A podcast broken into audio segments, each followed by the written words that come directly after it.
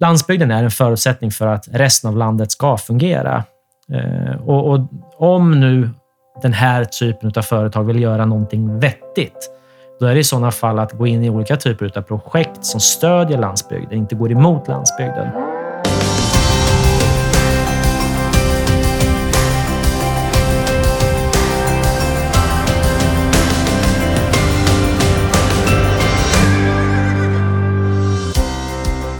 Har gjort sig känd som en orädd debattör och opinionsbildare och vissa beskriver honom som alltför konfrontativ. Hör veckans gäst Richard Axdorff berätta för reporter Göran Berglund om negativa kampanjer mot lantbruket och vad man kan göra åt det genom att våga sticka ut hakan. Kommentarer till det som tas upp finns att läsa på landlantbruk.se. Välkommen till Lantbrukspodden säger jag till Richard Axdorff. Tack så mycket. Tack. Vi ska väl börja med att ge lyssnarna en liten beskrivning av var vi befinner oss och det är hemma hos dig. Just det, vi, vi, sitter i köket, har druckit en kopp kaffe och mår väl ganska så bra. Väntar på att grytan ska bli färdig så vi får lunch också. Och du har lärt mig lite om bakgrunden till namnet Dylta bruk norr om Örebro där vi då är. Ja, just det. Vi, vi bor alltså ganska nära en eh, å som heter eh, först eh, Gärleån, Järleån, sen så Dyltaån. Och den rinner då genom ett flackt område och Dylta bruk. Dylta är då nysvenska för gammelsvenska delta bruk. Alltså, det var ett delta i det här området och har varit under ganska lång tid. Så vi har en del gamla gravar och grejer runt omkring oss från Elisabets tid och, och längre tillbaks. Jag tror jag är sjätte, Eh, eventuellt även sjunde generationen, lite beroende på hur man ser på saker och ting. Då. Eh, men den, den har varit i släkten säger jag, ganska länge och eh, det gör ju att det finns en lång historia som nu jag håller på att hjärntvätta min dotter för att hon ska ta till sig den historien jag har fått. Hur kom det sig att du blev kvar här ute där du kommer ifrån och att du ägnar dig åt det du gör? Har du funderat något kring det? Ja, alltså jag har nog snarare kommit hem skulle jag säga. Eh, jag eh, växte upp här då och eh, började så småningom att läsa först i Jämtland. Sen så jag har varit i Uppsala studerat, jag har varit i Umeå och studerat, jag har varit i USA och studerat. Jag började att förvärvsarbeta i Stockholm och efter två år i Stockholm så ansåg vi väl att vi, vi hittade där, så då började vi på att röra oss tillbaks. Eh, så den perioden handlar väl egentligen om att eh, skaffa sig en möjlighet att flytta tillbaks till eh, rötterna. Jag tycker att det, är viktigt att veta vart man kommer ifrån och nu är vi tillbaks där det börjar på något sätt. Och då börjar nästa generations resa. Mm. Vad hade du för yrke då när du inte bodde här? Eh, jag började i konsultbranschen som alla andra stockholmare eh, med eh, något som heter benchmarking, alltså man lär av goda förebilder. Därefter så jobbade jag inom stålindustrin. Jag hade någon slags idé om att jag så småningom skulle jobba på sågverk och då fick man leta efter företag som lyckades sönderdela saker och ting på ett smart sätt och dessutom ta betalt för det. Och då landar man i stålbranschen. Sen så smög väl sig i den planen och jag kom hem eh, 2001, tror jag det var ungefär. Eh, och gick här och skrotade lite grann och fixade. Eh, vi funderade på hur vi skulle göra med generationsskiften och sådär. Och i samband med det så blev jag kontaktad av ägaren till företaget Jordbruksaktuellt som då ville bredda det företaget och göra det till en bred branschtidning. Eh, så eh, jag hoppade på det tåget och eh, vi skapade så småningom då tidningen Skogsaktuellt. Och på Skogsaktuellt så var vi mellan fyra och två stycken personer som drev det över tid. Jag höll på där i tio år och jag skrev ju då politiska, skogspolitiska ledare, men även ledare som tog eh, höjd i landsbygdsfrågan rätt tydligt.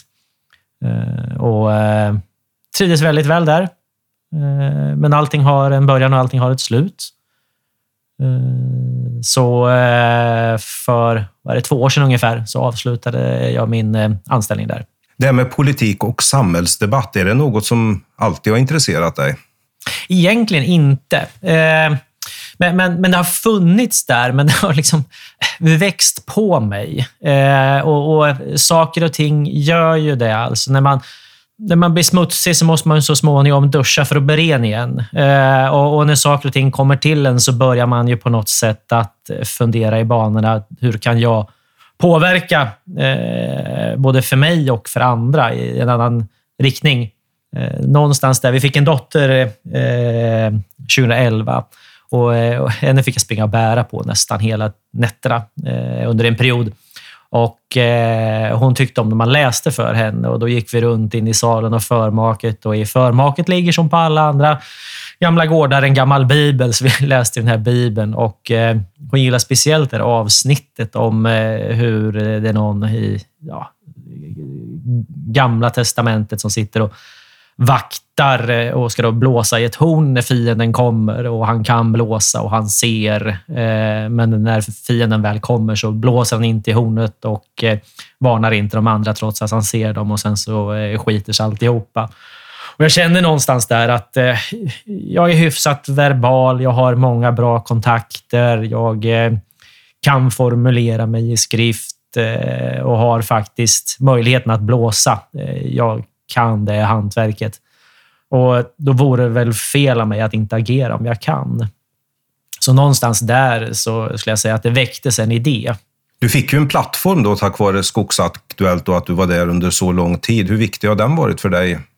Jo, men den, den har varit viktig naturligtvis. Eh, sam, samtidigt eh, så jag drog igång en ideell förening som då heter Naturbrukarna Sverige. Därför att eh, eh, som säga, i det journalistiska beskrivande yrket så kan du då du kan eh, försöka förse en opinion med information eh, och du kan i viss mån som ledarskribent eh, starta någonting. Men du har inte möjlighet att driva det vidare. Eh, och då behövdes det Eftersom resten av framförallt Skogssverige har så himla svårt för att eh, på något sätt nå fram med sin kommunikation så behövdes det ytterligare kanaler för att driva på det. Eh, och då startade jag upp eh, den här ideella organisationen Naturbrukarna Sverige vars mål är på något sätt att få folklig förankring för brukande rättsliga frågor. Det vill säga det är eh, rätt att bruka naturen, inte fel. Eh, och på så vis så kunde jag driva debatten, opinionen på ett helt annat sätt. Eh, och de som var modiga nog att stötta naturbrukarna från början var ju då besparingsskogarna i Dalarna. Eh, för jag får ju runt på många ställen i eh, Skogs-Sverige eh, för att försöka få stöttning för den här föreningen. Och det jag fick till mig, det var ju då att den där Rickard Axdorff var alldeles för konfrontativ. Eh, och Det här är ju ett läge när det enda som branschen egentligen behövde var någon som satte stopp. Eh, och eh, Man upptäcker det allra först på brukarnivån. Eh, och eh, besparingsskogarna i, i eh, Dalarna upptäckte det bland sina eh, eller inom sitt revir helt enkelt. Eh, att den politik som drevs var skadlig för inte bara dem utan även regionen. Det här är liksom ett område som betalar kommunalskatt någon gång första gången på 40-talet. Eh, så man, man, är van med att naturen avkastar och ger någonting tillbaks till regionen. Och helt plötsligt så försvann det eller minskades det. Och då behövde man en, en, en, en röst i Eh, både i, digitala medier men även i Stockholm, i riksdagens kansli och så vidare. någon som förde deras talan och då, då skapades då Naturbrukarna Sverige som då fylldes på med ett inkrom av eh, medlemmar. Eh, och via den har vi då drivit opinion framför oss, vilket faktiskt har lett till att den övriga delen av främst skogssektorn har kunnat komma efter i ett betydligt lugnare vatten. Många av de debattinlägg som idag kommer ifrån skogssektorn hade omöjligt kunnat skrivas med mindre än att naturbrukarna hade flyttat fram positioner om vad man kan prata om. Eh, och Det här ser vi över hela samhället. Alltid någon som går före som får ta rätt mycket skit. Eh, och någonstans där så gjorde vi nytta. Så den här åsiktskorridoren som man brukar prata om i debatten, den har funnits även inom skogssektorn då, med andra ord? Ja, ja, den finns. Den är där. Eh, och den, den, den är, tyvärr så är den ju skapad av eh, många av dem som ska försvara och företräda skogssektorn. Eh, eftersom det visar ju sig att när det börjar på bränna till så är det väldigt få som är rakryggade och står upp för en sak. Utan, menar, vi, kan, vi kan titta på skogssektorn. Har, där har man ju man är uppfunnit ordet samsyn, vilket är helt galen väg om du vill nå framgång. Om du har en position och vill på något sätt förädla den positionen, eh, så kan du inte medla med någon som vill åt ett helt annat håll. För det enda den gör, det är att flytta sin position ytterligare bakåt. Och om man medlar så och, och, och ger vika så flyttar man sig hela tiden mot sin motståndare och det är vad skogssektorn har hållit på med väldigt länge. Och nu har man då uppfunnit ett helt nytt ord, eh, tillsammans. Nu ska vi göra saker tillsammans. Det är precis exakt samma skit och det kommer leda till exakt samma sak. Tyvärr. Eh, man är inne på fel spår. Vilken är din analys då av varför det har blivit på det här viset? Alltså, ja, det, det, det finns naturligtvis ett stort antal svar på det. Det är bekvämt till att börja med. Vi är ju svenskar allesammans. Vi tycker inte om när det är obekvämt och när man tycker olika, och i alla fall inte i samma rum. Man kan vara förbannad på varandra i olika rum, men i samma rum så är vi inte det. Eh, vi, vi är försiktiga. Eh, många är fega. Eh, man klarar inte att, av att vara ta, ta, sin position eller sitt... Uh, jag skulle vilja säga så, man, man tar inte sitt jobb på allvar. Det är väldigt många i det här landet som egentligen har betalt för att försvara eh, i grunden skogsägandet, som inte gör det idag.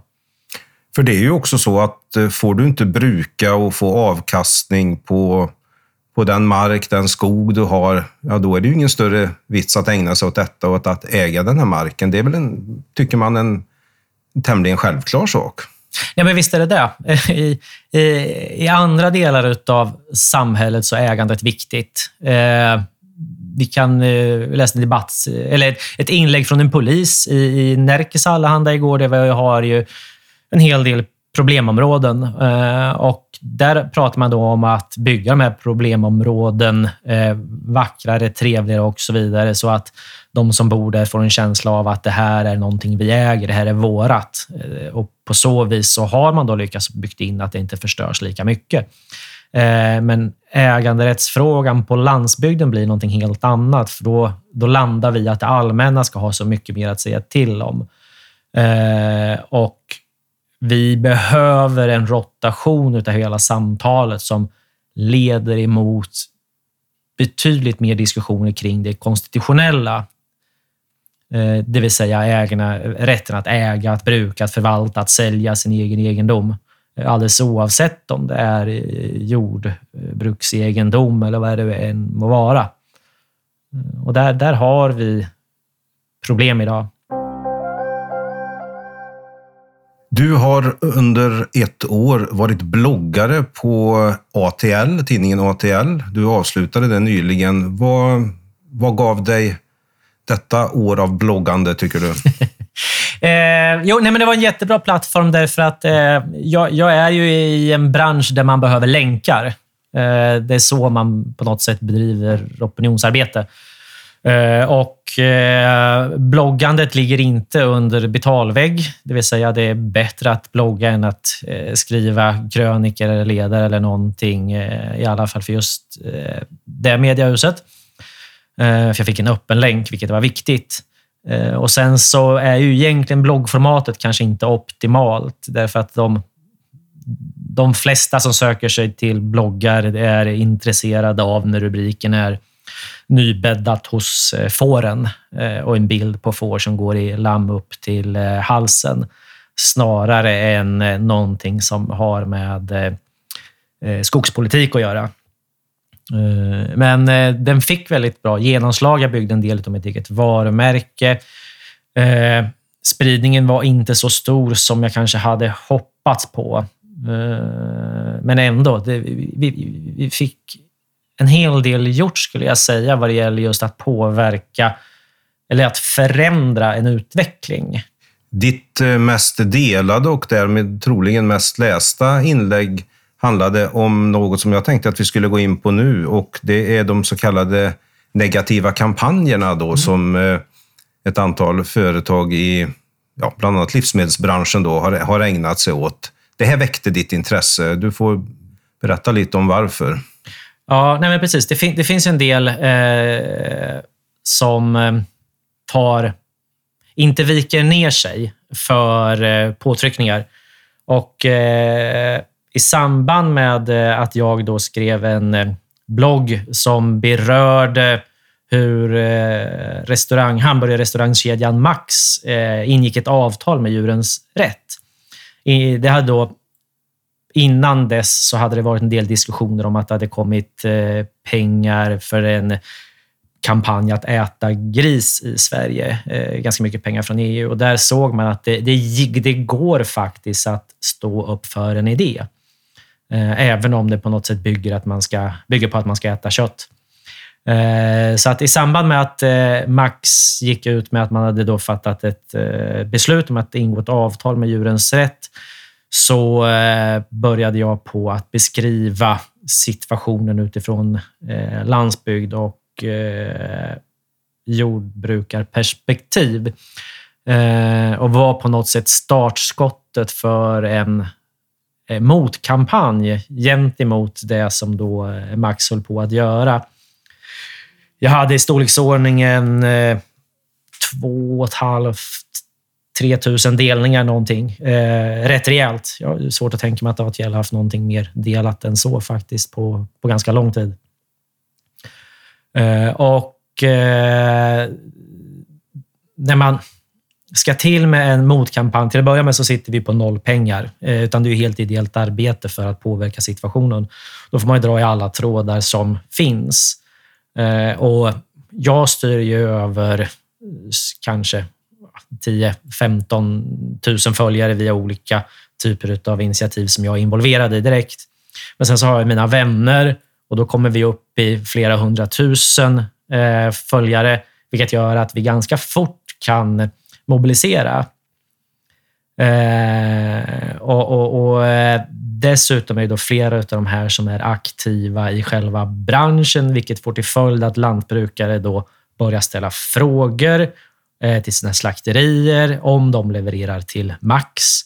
Eh, och är det så att de gör det så var man då beredd att ställa in sina leveranser för att man ställer inte upp på budskap som Max ger ut. Så efter fyra dagar ungefär så eh, gick ju då Max eh, ut med en doktrin att man har, det här avtalet om djurens rätt skulle upphöra, vilket ju naturligtvis var väldigt bra, men de hade fått en eh, hands-up på att eh, vi skulle dra igång med någonting i en motkampanj. Eh, och man var helt övertygad om att det här var, var rätt sak att göra.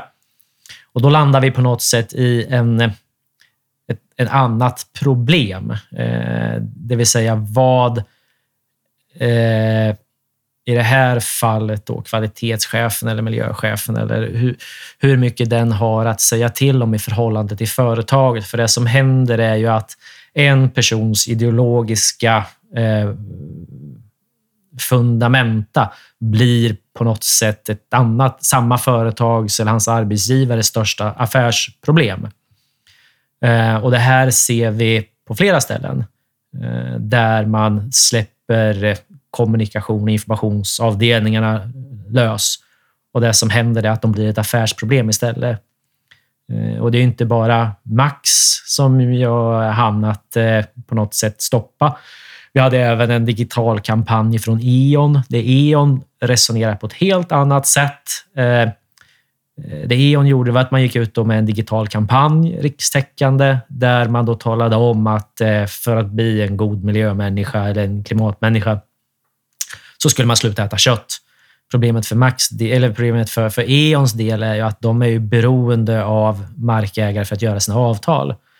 Eh, och eh, är det så att E.ON påverkar min möjlighet att tjäna pengar på min mark eh, så kommer jag tvingas ha igen det på gungorna, det vill säga att då kommer E.ON tvingas att betala mer för att gå över min mark om de ens tillåts att göra det. Så ganska så, så fort så, så drog man tillbaka den kampanjen och man bad om ursäkt dessutom eh, och har ytterligare då lovat att se över vad man kan göra för att istället stödja landsbygden och lantbruket.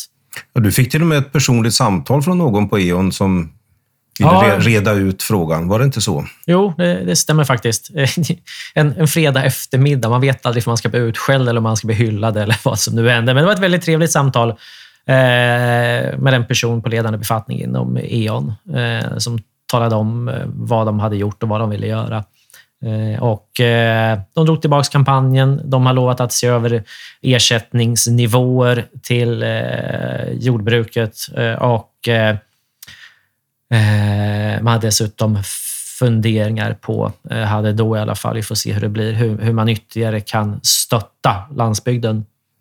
Fick du någon inblick då i hur det hade blivit på det sättet? Du var ju själv inne här på att eh, enskilda personer då som jobbar med marknad och kommunikation låter sina värderingar slå igenom och det finns på något sätt ingen som eh, granskar det i förväg och ifrågasätter det. Är, är det så det går till då, i, enligt vad, vad du har erfarit? Ja, jo men så är det. Man, man, eh, för att vara krass så, så skulle jag säga så att man skiter fullständigt i eh, frågan. Det vill säga, man bryr sig egentligen inte om biologisk mångfald eller klimat eller vad det nu må vara. Utan det man vill göra det är på något sätt att eh, eh, göra det företag ska göra. Företag ska jobba med att tjäna pengar. Det, det är vad de ska pyssla med.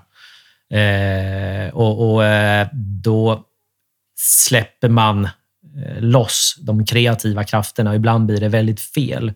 Kronfågel är ytterligare en sån där eh, eh, tidens tecken på hur saker och ting fungerar. Eh, Kronfågel valde då att gå ut i en rikstäckande kampanj. Den pågår visserligen fortfarande, har jag sett, men, men eh, inte i så stor utsträckning ändå. Där man då menade på att om alla som äter nötkött eh, istället skulle äta fågel så skulle då eh, man spara vad det nu var, motsvarande ett antal, stort antal resor till Thailand. Jag kommer inte ihåg hur många det var, men det var många i alla fall. Så att för att rädda miljön så skulle man ju då äta kyckling. Eh, och Det här är ju väldigt intressant när en bransch som har stora problem med säga, etiska frågor, känsloargument, eh, ger sig in i samma eh, typ av argumentation. Eh, därför att eh, det, det, det funkar helt enkelt inte, man bara på synare. Eh, man har selektivt plockat ut data ur olika typer av eh, forskningar för att bevisa sin tes. Och har man mycket pengar så går det naturligtvis att driva linjen och många vardagsmänniskor går på det för att det, det känns bra. Men resultatet av vad de gjorde blir ju att Djurens Rätt kör en kampanj, jag tror det var Djurens Rätt i alla fall, kör en kampanj i Stockholm mot kyckling totalt sett för hela branschen. Så det man lyckades med var väl egentligen att sänka volymen kyckling skulle jag säga. Gör något enkelt för klimatet. Genom att välja att äta kyckling istället för kött en enda gång kompenserar du för cirka 30 kilometers bilkörning. Likväl som kyckling är en god sak för klimatet är det gott för dig. Ja, det var ingen betald reklamplats utan det var jag som läste till i en av annonserna.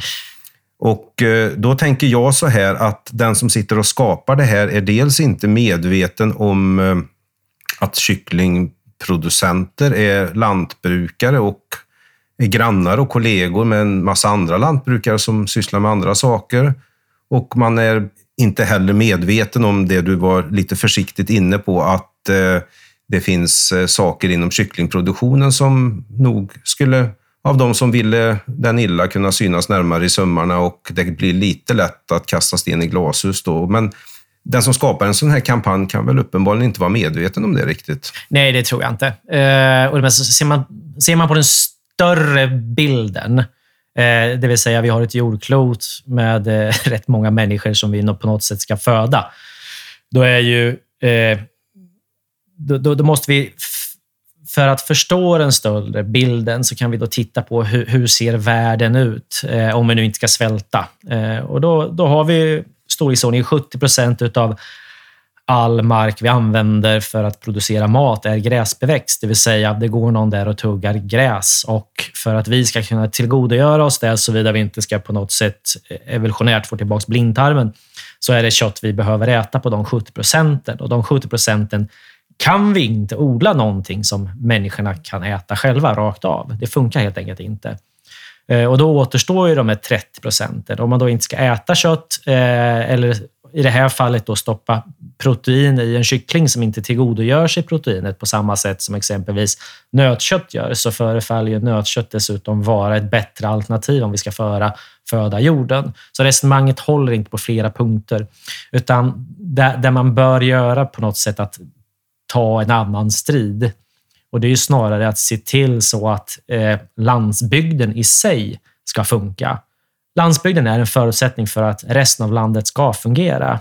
Eh, och, och, om nu den här typen av företag vill göra någonting vettigt, då är det i sådana fall att gå in i olika typer av projekt som stödjer landsbygden, inte går emot landsbygden och inte ställer olika typer av produktionsgrenar emot varandra. Eh, för att, jag menar, vad det gäller just eh, frågan till, kring, kring, kring kycklingarna så så, så eh, kommer det i förlängningen att vara dåligt för hela kycklingbranschen. Eh, och, och, då tror jag på något sätt att eh, man får vara försiktig om man inte förstår hela bilden. Var du på något sätt i direktkontakt med kronfågel också? Eller? Nej, inte kronfågel. Eh, men, men jag har blivit omnämnd i många av de här eh, olika typer av eh, vad de heter, Resumé och Dagens Media och allt möjligt sånt där konstigt. Då. Eh, så de, de, har ju också blivit intresserade av den här negativa kampanjen.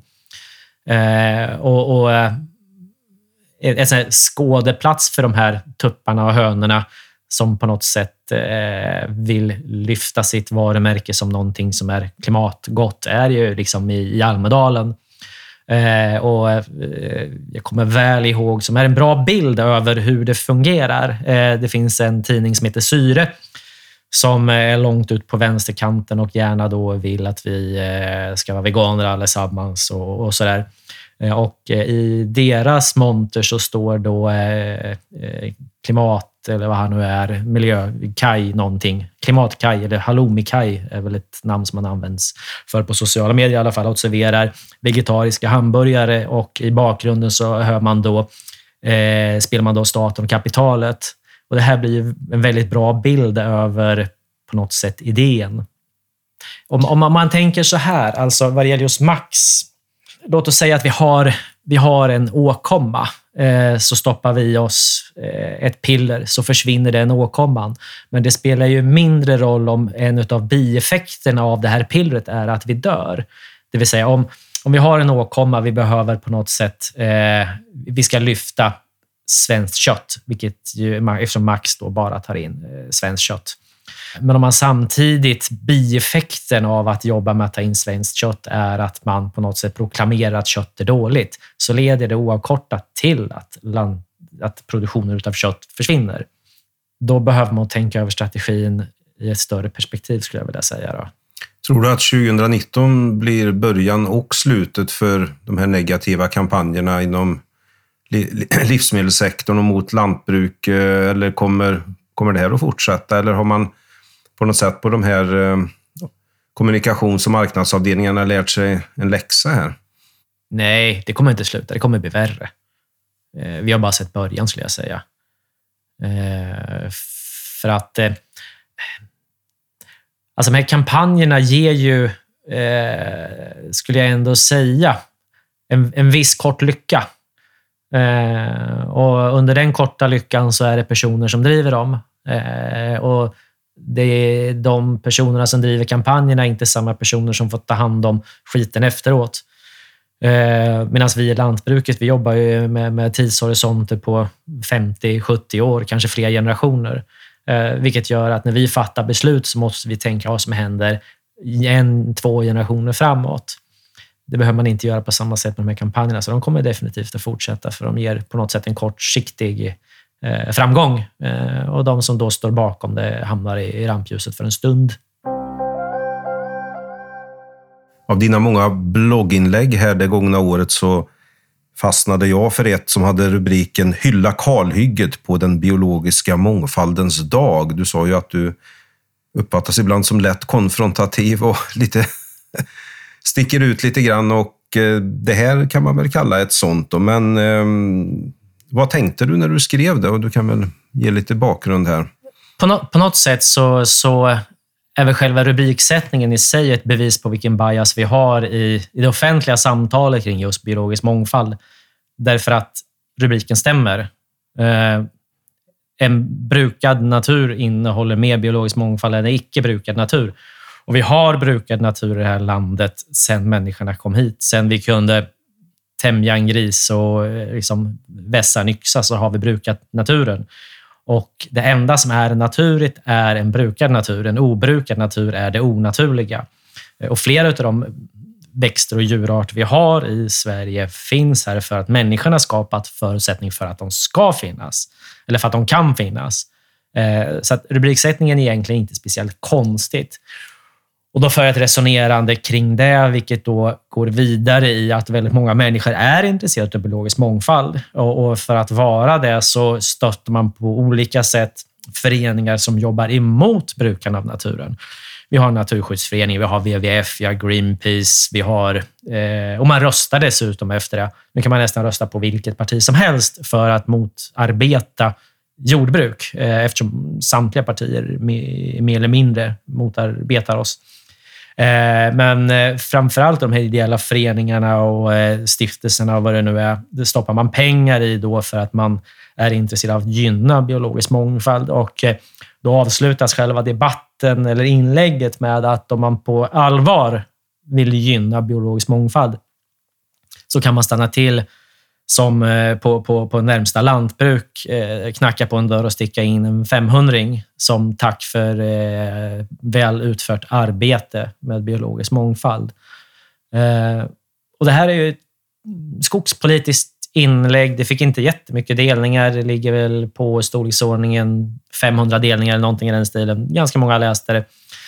Men det här går på något sätt igen i hela debatten och det, det är ganska centralt. Och dessutom är det, eh, det, det, är nära mig själv. Därför att när, när jag föddes, då tog min far upp ett kalhygge för att finansiera säga, min, min, min uppväxt.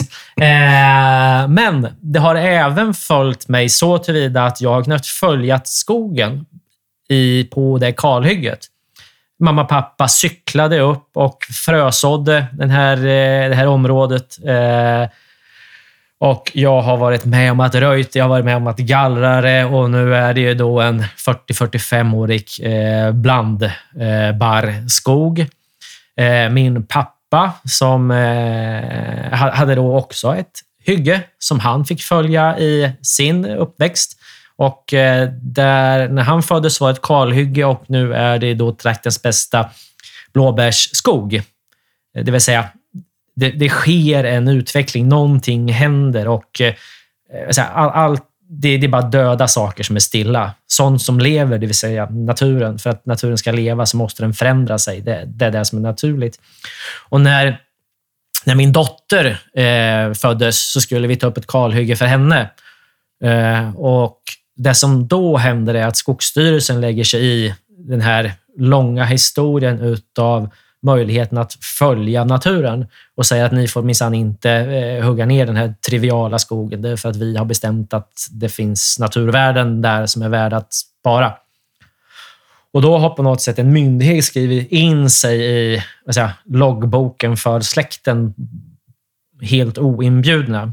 Och dessutom så fanns det, var inte området speciellt Eh, visst, det finns, fanns biologisk mångfald där, men det finns andra områden som håller mycket högre naturvärden. Ja, vad hänvisade man till? Man hänvisade till att det har en nyckelbiotopliknande karaktär. Man hänvisar inte till specifika arter. Man gör ingen inventering, utan man släpper ut en biolog som får gå där och, och tycka och tänka lite grann. Eh, och det här är en mark som för, vad ska vi tro, 60, 70 år sedan Det var en betesmark. Det gick alltså kossor och betade där och där växer det skog idag. Så att man skapar en vad myndigheten själv kallar en nyckelbiotop då, skapar man på storleksordningen 70 år. Eh, men, men eh, Problemet här blir ju på något sätt att hade man frågat mig så hade vi ju kunnat spara en annan skog som jag har varit intresserad av att spara. Här fanns det inget som helst intresse av att spara. Jag hade andra områden som hade större naturvärden, eh, men där eh, den skogen som hade större naturvärden är idag nerhuggen istället och där kommer det en klinisk ren granplantage kommer det bli där. Eh, vilket är väldigt, väldigt oturligt för att här har vi nu ett system där myndigheterna jobbar mot biologisk mångfald. Så fort du arbetar emot skogsägandet och lantbrukare istället för med dem så jobbar du emot biologisk mångfald. Vet du hur det kom sig att eh, Skogsstyrelsen uppmärksammade den här skogen som du hade velat kalhugga? Nej, det vet man ju inte per definition. Men, men, eh, Har du någon teori då? Ja, te teorin är ju att det här är ett område, det är ju vad som skulle betecknas som en åkerholme, det vill säga det finns lövinslag med lite grövre aspar, det finns eh, granar, det är inte hårt hugget. Man ser ju på man tittar uppifrån eh, på en kartbild så syns det att här skulle det kunna finnas höga naturvärden. Mm. Eh, och, så det räcker att titta på ett, en satellitbild då helt enkelt? Ja, och man gör det i samband med att det ska ske en avverkningsanmälan.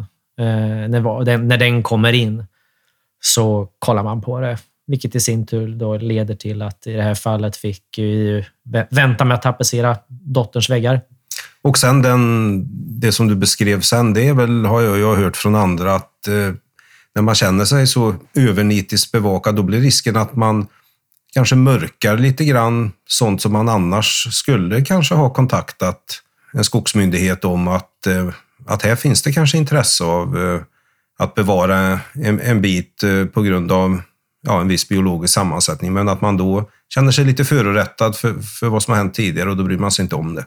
Alltså det, det här blir ju en direkt följd av, av jag använder mig ofta av eh, ordet tjuvsamhället, eh, eller hashtag tjuvsamhället.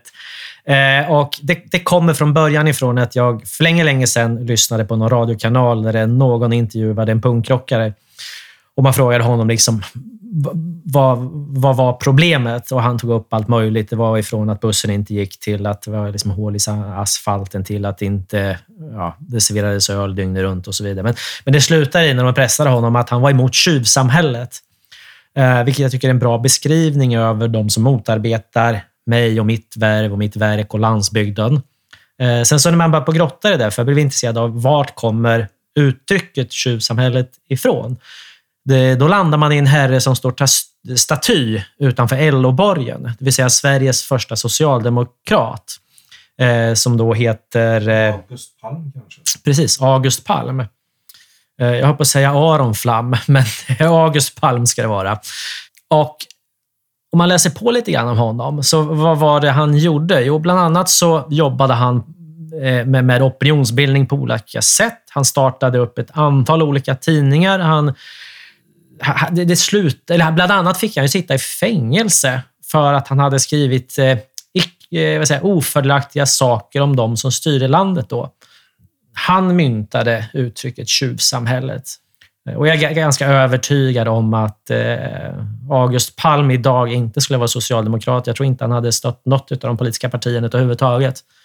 Eh, han hade troligen drivit några ideella föreningar eller något uppror eller något projekt eller podd eller någonting i den stilen.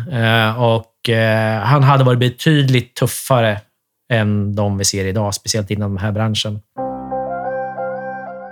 Vi ska gå över lite till den debatt som du var med och startade som fick väl störst genomslag av de du var inblandad i förra året. Och eh, det gällde det här med att eh, föreslå en, en utförsäljning av Sveaskog. Just det. Det blev nämligen så att det var andra som hakade på, bland annat den förre LRF-ordföranden Bo Dockered. Och ni hade debattartiklar in i Svenska Dagbladet, då, förutom de som ni skrev och eh, publicerade genom era egna kanaler. Hur föddes den här tanken hos dig? Är det något som du har funderat kring länge? Eller hur, alltså det, hur kom det, du in på det? Det är egentligen ingen... Jag är inte den första som föreslår det. Eh, det har varit på det har varit uppe tidigare, så det är ingen ny. Men, men vi, vi, gjorde en nystart och den började egentligen med att jag eh, var inbjuden till eh, Sveriges lantbruksuniversitet och sitta där i en panel. Och eh, jag är mycket road av att höra med den yngre generationen om hur de ser på vår bransch eh, och framtiden och saker att jobba med. Och under ett samtal där med eh, en av studenterna så diskuterar vi kring Sveaskog och vad, vad vi ska med Sveaskog till. Eh, och där någonstans så diskuterar vi oss fram till att eh, sälja Sveaskog skulle ju faktiskt vara den största landsbygdsreformen som Sverige har varit med om i mannaminne. Eh, därför att vi helt enkelt har så pass stor markägare som staten är i Sveaskog, så skulle det ju om det ägdes av de som bor i skogen, nyttjas på ett helt annat sätt. Det skulle leda till flera olika positiva fördelar, både för Sverige och för eh, landsbygden. Eh, till att börja med, eh, om vi tittar på hur Sveaskog sköts och har skötts fram till idag, så kommer Sveaskog avkasta mindre med tiden till staten i sitt nuvarande skick. Eh, om det då var i fjol jag skrev det här så var det i sådana fall också i fjol som den sista eh, tallen äldre än 100 år på produktiv skogsmark höggs ner. Det vill säga, eh, man har tagit mycket av det godaste. Eh, och om man då skulle stycka upp Sveaskog så skulle det då hamna hos mindre skogsägare som skulle då kunna utöka sin verksamhet. Eh, man skulle kunna på ett annat sätt bli mer aktiv i sitt skogsbrukande. Det skulle oavkortat leda till mer virke till industrin, eh, inte mindre. För det vi ser idag det är ju att Sveaskog är i storleksordningen 4 miljoner hektar, varav storleksordningen en miljon hektar är på något sätt eh, i händerna på eh, biologisk mångfald eller liknande. Det vill säga man har tre miljoner hektar produktiv skogsmark kvar. De tre miljonerna kommer bara att bli mindre och mindre och mindre och hoppa över i den andra skålen eh, om man inte gör någonting. Eh, och nu, vi kan komma tillbaka till det, men, men det händer rätt mycket på EU-arenan som dessutom understödjer den teorin. Eh, så att, att sälja Sveaskog är att rädda produktiv skogsmark, skulle jag vilja säga. Eh, och eh, Sen finns det ju naturligtvis krafter som inte är, ställer sig så positiva till detta. Eh, men det man gör då är att man är negativ till landsbygdsutveckling eftersom att sälja Sveaskog är en, ett stort landsbygdsutvecklingsprojekt. Hur tänker du dig att det rent praktiskt skulle gå till? Alltså, till att börja med, man har ett eget säljbolag. Eh, så det är bara att dra igång och stycka upp det kommer ta ett stort antal år. Jag tror man, eh, man säljer inte tre miljoner hektar i, i, mindre lotter på mindre än tio år. Det tror jag inte. Eh, men ger man sig katten på det så kommer man göra det. Eh, och om man dessutom säljer för mycket under kort tid så riskerar man ju att påverka säga, realutvecklingen på, på eh, fastighetsvärdena. Eh, så man får vara lite försiktig där. Men det låter sig göras. Man får vara lite visionär. Det är inte svårare än så. Vad tänker du det för begränsningar då i hur mycket varje enskild skogsägare skulle få köpa och så? Eller tänker du det några sådana? Alltså det, det, det, det, är staten själva efter, det är staten själva som bestämmer villkoren. I alla fall i första försäljningsskedet. Eh, och då är det upp till dem. Man kan ju eh, låta man kan säga så här att men, hörni, vet ni, vi vill inte förändra förhållandet mellan privat skogsbruk och bolagsskogsbruk. Därför så delar vi upp det med lika delar så att inte den förändringen gör någon skillnad.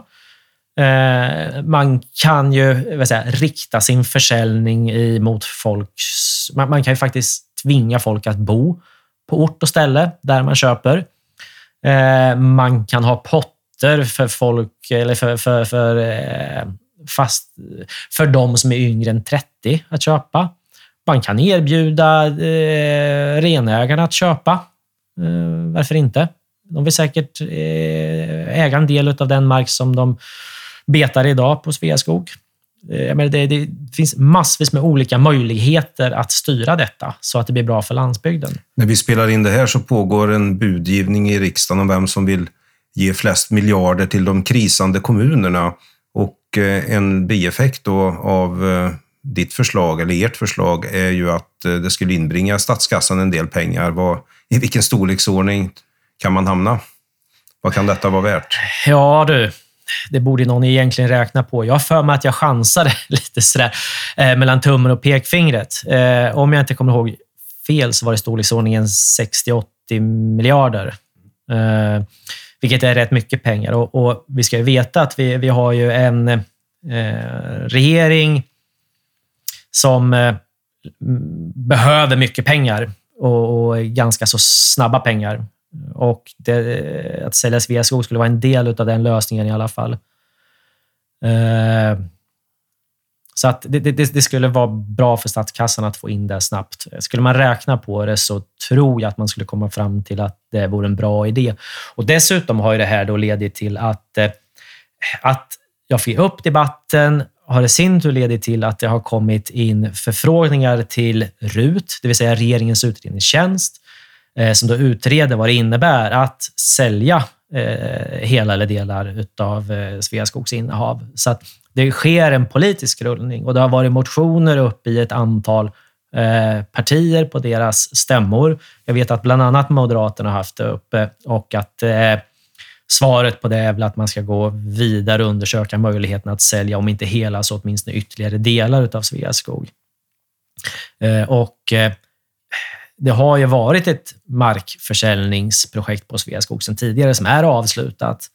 Eh, och om man tittar på det, vart skogen tog vägen, så är det ju egentligen ett markbytningsprojekt mellan staten och de stora bolagen.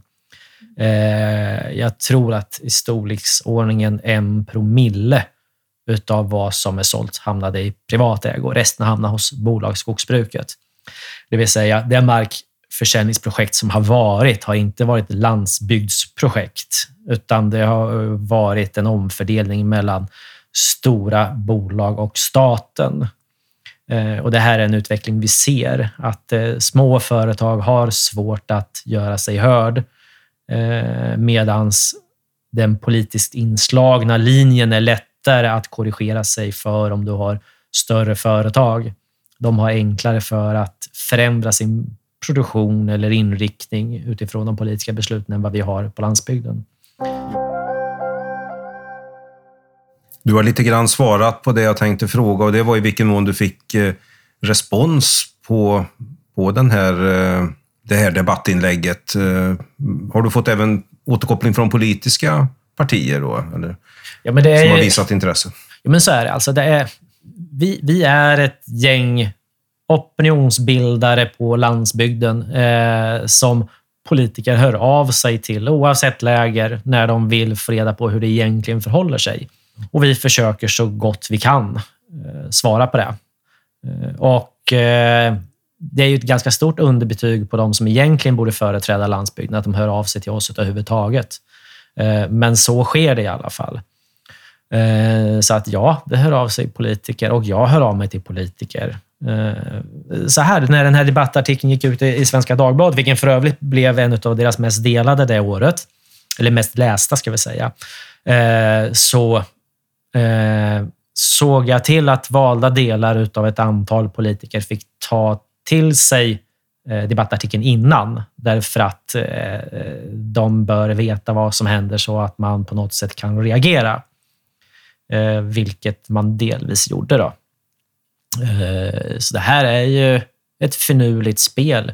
Men om minsta gemensamma nämnare är att vi på något sätt vill stärka landsbygden, eh, för det är där vi, vi alla resonemang landar, eh, då är det rätt sätt att arbeta. Eh, och när landsbygdsfrågan blir på något sätt central, därför att våra, våra näringar klarar sig inte själva på egna ben i det, det, det stora politiska eh, spelet, om vi nu ska kalla det för det. Jag ogillar uttrycket, men ändå. Eh, vi kan ta för fem, sex år sedan när man eh, åkte eh, till Lindesberg och badade, då hängde det ofta vimplar i skogen där det stod här gallrar Holmens skog eller mellanskog gör skillnad eh, och, så vidare. Och vi är så här way beyond det för länge, länge sedan. Den här markägaren hänger idag upp Eh, nu senast jag såg någonting hängde där så stod det “Titta på webb-tv”. Det vill säga att intäkterna eller den hjälp man får ifrån skogsbruket eller de intäkter man får från skogsbruket eh, är egentligen inte problemet idag. Problemet är att ingen försvarar min position, min möjlighet att bo och verka och göra det jag gör. Eh, och, där, och där ser vi ju problem rakt över på hela landsbygden. Eh, vi ser eh, hur landsbygden frånkopplas ifrån samhällskontraktet på ett ibland ironiskt tråkigt sätt. Eh, kvinnor blir ihjälslagna för att polisen inte hinner komma fram i tid. Eh, och nästa gång en tjej, eh, en hustrumisshandlare ger sig på någon där man vet att inte polisen kommer, där kommer våldsmonopolet gå över till grannen. Eh, och då kommer, då, då kommer det bli då, då riskerar man att det blir fel. Eh, och Det här går igen hela tiden. Att det försvinner vargar på landsbygden, det är en skitfråga. Att det försvinner vad säger människor i polska stöldligor som får för mycket stryk och hamnar i en kärn. Där är vi idag. Problemet på landsbygden är så mycket större än vad vardagsmänniskan ens är i närheten av att begripa. Och Det beror i sin tur på att eh, vi har en oduglig säga, eh, journalistik i landet som inte klarar av att förhålla sig till sanningen. Eh, eller förhålla sig, det finns så många olika sanningar, men som inte klarar av att måla hela bilden. Därför att bilden av landsbygden är hårt, väldigt hårt beskuren. Som alla andra bilder är, så beskär man bilden av landsbygden. Och eh, den, den journalistik vi har idag klarar inte av att beskriva resten av landsbygden. Eh, vilket gör att vi inte kan på något sätt föra, ens föra diskussionen om företeelserna på landsbygden. Att blåsa i hornet. Man ser problemet men inte gör det. Då är man dessutom en del av den här utvecklingen. Eh, och det irriterar mig. Så du, du tänker fortsätta trumpeta i alla fall? Det, den slutsatsen drar jag. Ja, definitivt. Ja, du berörde tidigare i en bisats att det är klart att EU spelar en, en stor roll i sammanhanget vad som händer i Sverige. Jo, alltså man kan ju no på något sätt tro att vi håller saker och ting i vår egen hand. Det finns ju, den officiella linjen har ju varit under de senaste 15 åren att vi då inte har en gemensam skogspolitik, eh, vilket ju är en stor jävla bluff rakt igenom. Därför att skogen går igen överallt i hela eh, besluts Eh, Europa, skulle jag vilja säga. Det är en del av klimatet, en del av biologisk mångfald, det är en del av ekonomin och så vidare. Överallt så dyker skogen upp eh, tydligare och tydligare. Så att vi, vi har inte saken i vår egen hand. Eh, och om vi då vill exempelvis öka produktionen eller tillgänglig volym av ved i Sverige, vilket jag från början tycker är en felaktig ingång. Det man borde eh, inrikta sig på är snarare i sådana fall hur man kan möjliggöra för markägarna att bruka sin skog på ett klokare sätt eller vettigare sätt man, och inte utgå ifrån det andra perspektivet. Men om man nu utgår ifrån det, Eh, och sen så har man utredningar på utredningar i Sverige för att på något sätt öka volymen. Eh, och sen så tittar man, exempelvis så kom det här i dagarna en utredning ifrån eh, både myndigheter men även ifrån branschen i sig på 88 punkter på hur man då skulle öka volymen eh, möjlig eh, råvara i landet. Så finns det inte en enda Eh, det finns inget kapitel som berör EU och EUs påverkan. Eh, och, Det är jättemärkligt tycker jag. Därför att om man tittar på de topp tre som påverkar tillgänglig volym så är det ju ett, beslut i EU. Rakt av är det det som kommer vara det viktigaste för framtiden, vad som påverkar tillgänglig volym. Och sen som man tittar på två, vad som påverkar tillgänglig volym i Sverige så är det mängden växthusgas i luften. Mer växthusgas, mer tillväxt.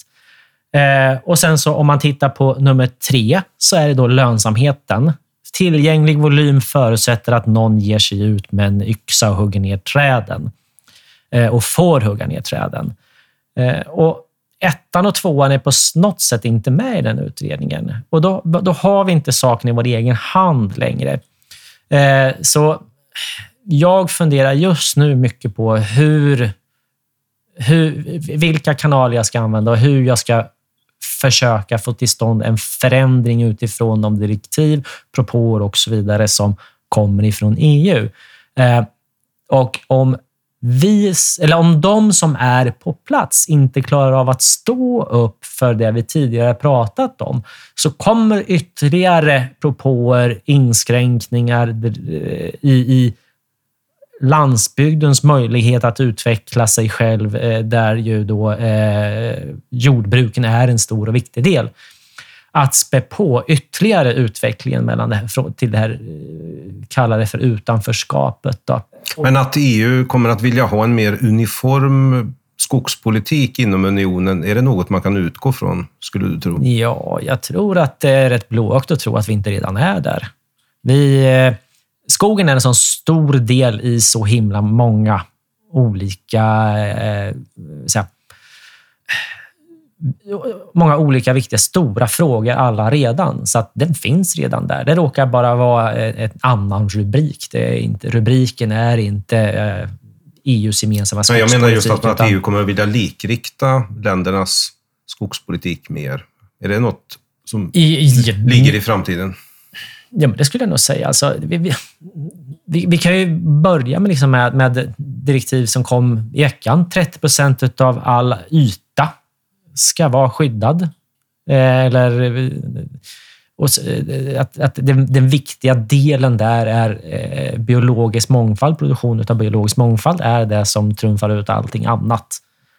Och skogen har vi ju i norra delen av Europa.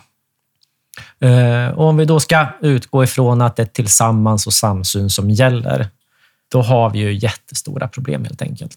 Tiden rinner på här och jag skulle vilja tacka dig, Rickard Axdorff, för din medverkan i Lantbrukspodden. Tackar för det. Du har lyssnat på Lantbrukspodden som görs av Land Lantbruks redaktion och som är en del av LRF Media. Reporter här var Göran Berglund som intervjuade Rickard Axdorff. Jag som är producent heter Maria Sander och har du synpunkter eller förslag på ämnen, kanske personer som kan passa i podden, hör då gärna av dig till oss på lantbrukspodden snabela landlantbruk.se. Och glöm inte att prenumerera på podden för att inte riskera att missa framtida avsnitt. Vi hörs!